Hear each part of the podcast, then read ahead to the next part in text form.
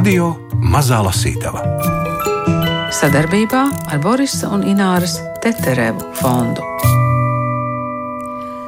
Esiet sveicināti! Radio mazā lasītava arī pirms Ziemassvētkiem nodarbojas ar kaut ko, um, nu, gan gaidīti, gan negaidīti, jo pirms uh, pagājušajiem Ziemassvētkiem mēs šeit ar aktieru Gundaru Āboliņu, sveiks, Gundar! Sveicināti! Satikāmies uh, tiešraides studijā un uh, lasījām. Uh, toreiz bija iznākusi Gundara tulkotā Danelijas grāmata, bet uh, šodien Patiesībā tā mums uz galda ir vairākas grāmatas, eh, divas no tām autora ir Astrīda Lingrēne, un eh, viena ir eh, varbūt ļoti sveša grāmata. Tā ir grāmata, mm, nu, kas neiedarās ne Karlsona, ne Pepijas Gārzeķis plauktā. Tā ir kara dienas grāmatas 1939, 45. Astrīda Lingrēna ir rakstījusi šīs dienas grāmatas, un tagad tās ir izdotas arī latviešu valodā. Un otra grāmata ir Lennebergas Emīla Ziemas grāmata. Mums, protams, visiem acu priekšā ir Vara Braslas filma Emīla Nedarbi. Jā, Gunārs Maija ar galvu. Un tur visa darbība, protams, notiek uh, vasarā, gan, uh, gan visas tās dzimšanas dienas, gan trakie braucieni, gan tirgi, gan, uh, gan balīte navagmājā, bet um, īstenībā izrādās, ka tas ir noticis ziemā un to balīti nabagmājā viņi ir sarīkojuši Ziemassvētkos. Tikai tas, kurš pats ilgi staigājis apkārt, izsalcis, varēs saprast, ka cik priecīgi kļuva nabaga mājas iemītnieki, kad pie viņiem ienāca Emīls un Īda nesdami grozu. Viņi tūdaļ gribēja nogaršot atnestos gardumus. Visi, gan dūlais joki, gan pīķa kalli, gan Juhans viena ēra, gan trakais Niklas, gan palaidne Fija, gan mazā muciņa, gan Viberģiene, gan Salija Samālija un diezin kuri vēl. Bet komandante teica, pirms Ziemassvētkiem gan ne. Tas jums visiem jāzina un neviens neuzdrīkstējās kaut ko iebilst. Emīls un Īda aizgāja, un tā pienāca Ziemassvētku vakars. Kathultā gan Ziemassvētku priekšvakarā, gan pašos Ziemassvētkos valdīja prieks. Ziemassvētku vakarā Lennebergas baznīcā notika dievkalpojums, un Emīls, sēdēdams kamanās priekā, staroja, jo Lūkas un Julāna tā auļoja, ka sniegs ap viņiem virpuļot, virpuļoja, un visi citi braucēji palika tālu aizmugurē. Visu Ziemassvētku vakaru Emīls izturējās tik rātni un klusi, jā, uzvedās tik smalki, ka māte ierakstīja zilajā burtnīcā: Šitas puika nu dienu paklausīgs, un vismaz basnicā nitāri nekādas evreķēlības. Visu garo Ziemassvētku dienu Emīls izturējās tikpat pieklājīgi. Viņš un Īda itin jauki rotaļājās ar savām svētku dāvanām, un visā Kathultas sētā valdīja brīnumains miers bet pienāca Ziemassvētku otrā diena, un Emīla tēvs un māte bija nodomājuši apciemot Skorbhultu, kas atradās draudzes otrā galā. Lennebergā visi pazina Emīlu, tāpēc bērni nebija ielūgti. Man ir gluži viena alga, Emīls sacīja, jo ļaunāk pašiem skorpultiešiem nabaga cilvēki, viņi mani nemūžam nesastaps. Un mani arī dzan ne, īda piebilda. Skaidrs, ka Līnai vajadzēja palikt mājās un pieskatīt bērnus, bet jau rīta agrumā viņa činkstēja un lūdzās, ka viņai arī visādā ziņā esot jābrauc pie mātes, kura dzīvo kādā iebūviešu mājā netālu no Skorbhultes. Līna bija izdomājusi, cik parocīgi aizbraukt turp ar kamanām, jo Emīla vecākiem taču jābrauc uz to pašu pusi. Ko tur tik daudz bērnus pieskatīšu es, ieteicās Alfrēds. Ēdamā ir pietiekami, un es uzraudzīšu, lai viņi neņem sērkociņus vai ko tamlīdzīgu. Tu gan zini, kāds ir Emīls. Emīla tēvs sacīja drūmi paraudzīties uz Emīlu, bet Emīla māte sacīja, Emīls ir mazs, jauks puisēns, un vismaz Ziemassvētkos viņš nedarbus nedarīs. Nekauts, Līna, tu vari braukt mums līdzi. Un tā notika. Alfrēds Emīls un Īda stāvēja pie virtuves loga un noskatījās, kā kamanas aizslīd pa nogāzi, un kad tās vairs nebija redzamas, Emīls apmierināts augstu paliecās: Heisā! Nu tik mums būs dzīve! viņš izsaucās, bet tad īda ar savu tievo pirkstiņu norādīja uz ceļu. Re, tur nāk dūlais joke, viņa sacīja. Jā, nu šis eh, varētu būt arī uh, sveiciens Varim Braslam un uh, visiem tiem, ko mēs pazīstam no Emīla nedarbiem. Astrīda Lingrēna, Lenebergs Emīla Ziemas grāmata. Bet tad, kad mēs bijām kādā vasaras ceļojumā ar lasītāju šeit pat Latvijā, tad Gundar neizbēgams jautājums tev bija no, no kāda lasītāja, klausītāja, ko tu tagad tulko? Tu toreiz izstāstīji, lūdzu, Jā. atgādini arī uh, visiem pārējiem, un uh, Lenebergs Emīlu noliekam mazliet malā, jo tur būs ļoti gara ēdienu karte. jā, jā. Man labāk ēdienu karte nedod lasīt, jā. jā. Es varu aizlasīties. Nu, lūk, bet uh, tu tūko, tu tūko no vācu valodas. Es tūko no vācu valodas sava kolēģa un arī, nu, man pazīstama kolēģi, mēs esam pazīstami. Mēs neesam draugi, bet labi paziņas. Joachima Maierhofa grāmatu, tādu arī autobiogrāfisku grāmatu. Tas nosaukums ir Ah, diese Lücke, diese entsetzliche Lücke, kas tulkojumā būtu ak, šis caurums, vai šī lūka, vai šī sprauga. Ak, šis caurums, sasodītais caurums. Nu, ja skatuvē arī lūka ir vaļā, tad tā arī ir luka. Nu, Es te esmu paķēris dažas lapiņas līdzi. Jā, bet viņš eh, raksta par ko? Viņš par teātri vai par, par sevi? sevi? Par sevi, sevi. saviem vecvecākiem, savu bērnību un kā viņš nonāca pārpratuma rezultātā nonāca šajā profesijā, aktieru profesijā, un šobrīd ir viens no visizcilākajiem vācu aktieriem. Bija gluži vienalga, kad es tikko apciemoju savus vecākus. Tam nav nekādas nozīmes, vai es toreiz biju 10 vai 15 gadu vecs. Viņi vienmēr ir palikuši tādi paši kā agrāk. Tās daudzās brīvdienas, ko es pie viņiem esmu pavadījis vēl pirms savām mācībām teātras skolā, manā atmiņā ir saplūdušas kopā vienā vienīgā miglā tītu gadu mākonī. Un raksturīgi, ka no tā retu reizi iznīrs tikai atsevišķi notikumi vai atgadījumi no manu vecvecāku ikdienas dzīves. Visa viņu dzīve būtībā ir viens liels atgadījums. Katra nākamā diena vienmēr bija tāda pati kā visas iepriekšējās, un ik katra no tām bija īsts brīnumdarbs.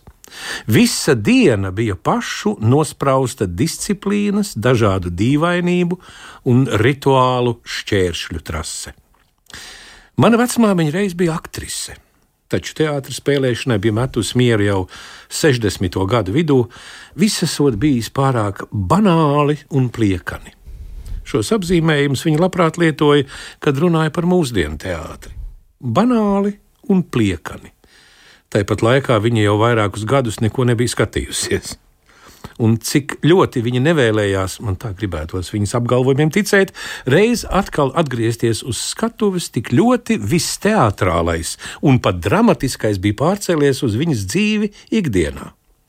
Runājot pat par visprozaiskākajām lietām, viņas runas stilā, stājā un žestos, kas pavadīja teikto, bija kaut kas ļoti cildens un grandios. Tomēr vecmāmiņa man nekad nešķita ne spalga, ne operetiska. Nē, visa viņas personība drīzāk bija mērķtiecīgi tendēta lielas drāmas virzienā. Ja viņai jautāja, kā tu šodien jūties, vecmāmiņa, tad atbilde pavisam droši bija Itin labi, manu dārgumiņu. Uz jautājumu, un kā klājas tavai kājai, sekoja tikpat paredzama atbilde: Miserabli! Šorīt tā jūtas šausmīgi aizskarta. Šī katru rītu aiz slēgtām durvīm slepenībā mocītā kāja mani pievilka ar gluži maģisku spēku. Neviens to nedrīkstēja būt redzējis, neviens ārsts un pat ne vectēvs. Tā bija apvīta ar vissāpīgākajām atmiņām, ar atmiņām, ko mana vecmāmiņa ar nesamērīgu godkāri un ar brutālu pret sevi pašu vērstu nesaudzību, masējot, mēģināja izdzēst. Turpretī tā vingrošana, ko ik rīts veids mans vectēvs, emeritēts filozofijas profesors, patiesībā bija dīvaina un juceklīga vingrojuma simulācija. Ar saviem sniegbaltajiem, no gulēšanas izpūrušajiem matiem, viņš no rīta izgāja uz balkona. Vasarā savā apakšbiksēs viņš izskatījās kā no svētā gara apgaismots eremīts. Vectēvs bija neparasti matains. Pēc pāris dziļām ielpām viņš sāka savu vingrošanas tēva Jāna piemiņas choreogrāfiju. Friedrichs Jānis bija vācu nacionālists un pedagogs, viens no mūsdienu sporta vingrošanas pamatlicējiem. Sava sirmā vecuma dēļ šie vecstāva vingrinājumi bija vien bikls mājiens, uz kādreiz droši vien ar spāru un temperamentu izpildītajiem vingrojumiem, stāvēdams uz savām aiz vecuma izkaltušajām sērkociņiem līdzīgajām kājām, viņš izdarīja dažus mini pietupieniņus, iesēžoties tikai kādus pāris centimetrus. Pēc tam viņš uzlika rokas uz gurniem un sāka tos viegli ītiņām apļot. To darot, viņš izskatījās pēc nedaudz zila zinātnes darbinieka. Sīgs un grabošs vīriņš ar sauli baltajos matos. Tad viņš pastiep uz augšu savas baltās rokas, taisīja dzirnaviņas un grozīja savu ievērojamo galvu šurpu turpu. Citi vingrinājumi nebija nekādi vērā ņemamie, un vairākas minūtes viņš stāvēja vienkārši tāpat un turpināja vingrot iekšēji. Es ceru, ka tu turpini tūkot un grāmata iznāks. Es ceru. Ir tāda cerība, ja? Es ceru, ka varbūt vēl kaut kas vairāk no tā iznāks. Varbūt pat vēl kaut kas vairāk. Mēs pēc brīža varam turpināt uh, atkal ar tavu tulkojumu, bet es ļoti gribu, lai tu ieskaties uh, grāmatā, uh, kas varētu būt ļoti mm, daudziem, arī tiem, kas saka, ka viņi zina, kas ir Astrīda Lingrēna sveša grāmata jo Astrīdas Lingrēnas karadienas grāmatas Zviedrijā izdots jau pēc rakstnieces nāves. Un, nu, redzi, Dod man to grāmatu. Jā, es tev iedošu, un redzi, tu vari paskatīties. Šeit ir gan, gan izgriezumi no, no ģimenes albuma, gan no avīzēm, bet, jā, man jau gribās, lai, lai mēs esam tur, kur faktiski Astrid Lingrēna beidza, arī Ziemassvētkos, bet 45. gada Ziemassvētkos, jo tās dienas grāmatas ir no 39. līdz 45. gadam. Šie ir pirmie miera Ziemassvētki. Un šeit, Zviedrijā, atšķirība nav tik liela. Mēs taču visu laiku esam dzīvojuši pārpilnībā. Diemžēl arī ārzemēs pārmaiņas nav sevišķi lielas. Liels un šausmīgs ir trūkums. Kad pavaros apkārt mūsu ērtajā, siltajā mājā, kas tieši tagad izskatās tik patīkama, nu, tā man šķiet, ar baltajām hiacintēm un svecēm un Ziemassvētku eglīti, un piparku piramīdas kūku uz galda, tad es domāju par nabadzīgiem visā pasaulē un visiem nabaga bērniem, kuri pat nepamanīs, ka ir Ziemassvētki. Manējie saņēma šādas Ziemassvētku dāvanas. Lase slēpošanas jaku, solījumu par slēpošanas cepuri, antoloģiju no septiņām jūrām, cimdus, abas manas grāmatas, skūšanās aparātu, marcipānu, skūšanās otu no kārinas, ziepes no māsīcām, brālāniem Lindstrēmiem, naudu no mātes, mātes un mātes tēva, kā arī no tantes Annas, turklāt no manis vēl naudu. Stūlienes slēpošanas nedēļai, kamela cigaretes no Linnējas, Kārina dabūja kaudzes grāmatu, uz mēnesi pūš vējš, deguni kā jautājuma zīmes, holandiešu vīņi, mehānisko zīmuli, šujam piedarumu kastīti, zobu suku, apakšveļas komplektu, marcipānu, turklāt vēl bur, burvīgu rokas sprādzi no Annas Marijas, kura bija vakar kulminācija. Naudu no mātes, mātes un mātes tēva un tantes Annas, Mērija Popins un trīs stūri, tās ir grāmatas no Alli un Mates, dālārnas koka zirdziņa no Brigitas Marijas Lomas, šujam piedarumus no Linnejas. Nu, laikam jau tas arī viss. Bet nu gan pietiks. Rīt uz vakariņām pie mums nāks Lindstrēmi. Būs brieža cepetis un augļu salāti. Šodien mēs ēdīsim rubeni pēc maz brīža. Man arī jāuzraksta kādas Ziemassvētku dāvanas saņēmējs. Stūre bija aizgājis iepirkties kopā ar Hēdneriem, un rezultāts bija šāds: ļoti smalku cimdu pāris, džemperis un vilnas jaka, ko esmu nodomājis apmainīt, augstas kalošas, kuras es arī domāju apmainīt, divi smalku zīdu zeķu pāri. No lases saņēmu pildspalvi, ar kuru pat laban rakstu, to viņš ir nopircis lietotu No Kārinas es saņēmu pūderotiņu un odekoloņu. Stūri saņēma OA karikatūra albumu, Hasas Zēs sabiedrība, kurā bija jautri, tas ir grāmatas, sarkano čūsku, kaudzi drēbi pakaramo, puslitru konjaka un vēl labu tiesu sīkumu no bērniem. Tas ir grāmatas sarkanā čūska, bija no lases. Kā arī nu lasa uzdāvināja viņam žurnālu Dead Besta abonementu. Vairāk gan es neatceros. Pepija ir mazs jauks bērns, kas šķiet gūs panākumus. Grāmata ir pārdota arī Norvēģijā tāpat kā Brita Marija un Čerstina un es. Jā, nu lūk. Dāvana tur ir daudz. Dāvana tur ir daudz, bet iedomājies, vai mēs, uh, nu, tu kādreiz esi piefiksējis, ko tu saņem Ziemassvētkos, ko tu uzdāvini citiem Ziemassvētkos?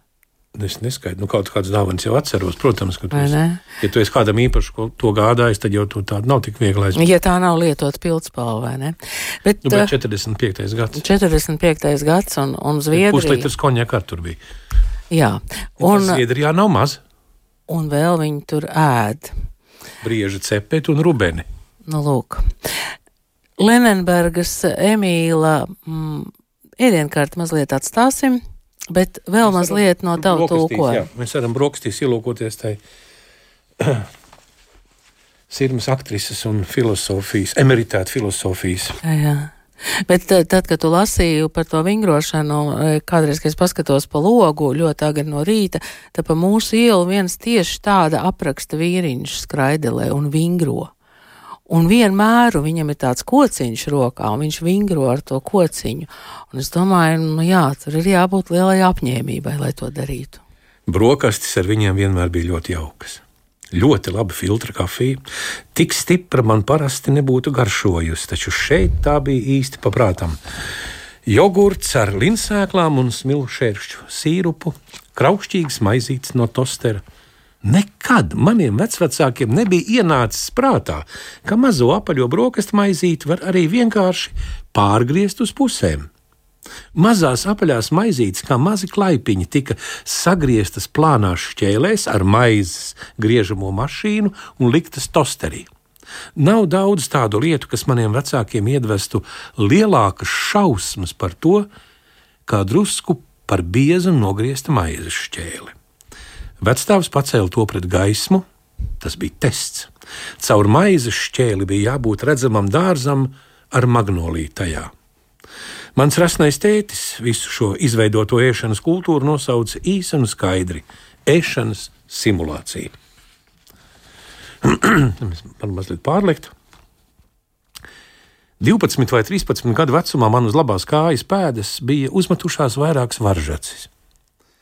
Tās es toreiz parādīju savai vecajai Jau viņas smalki kopto roku, nesamērīgi ciešais satvēriens bija kā brīdinājums, ka tuvojas kaut kas nelāks.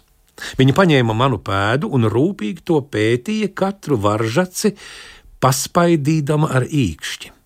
Pat tas, ka es ikreiz no sāpēm iekaucos, nemodināja viņā nekādu līdzjūtību. Jā, mīļumiņa, šķiet, ka man priekš tevis kaut kas atradīsies, Vecā māte noteica, palaid vaļā manu kāju un izgāja no istabas. Pēc brīža viņa atgriezās ar dīvainu, tumša stikla alķīmiķa pudelīti rokās. Tu redzēsi, kā šī manta dara brīnumus. Vai to vispār var lietot? Kur tu to ņēmi? Vai man tā būs jādzer iekšā?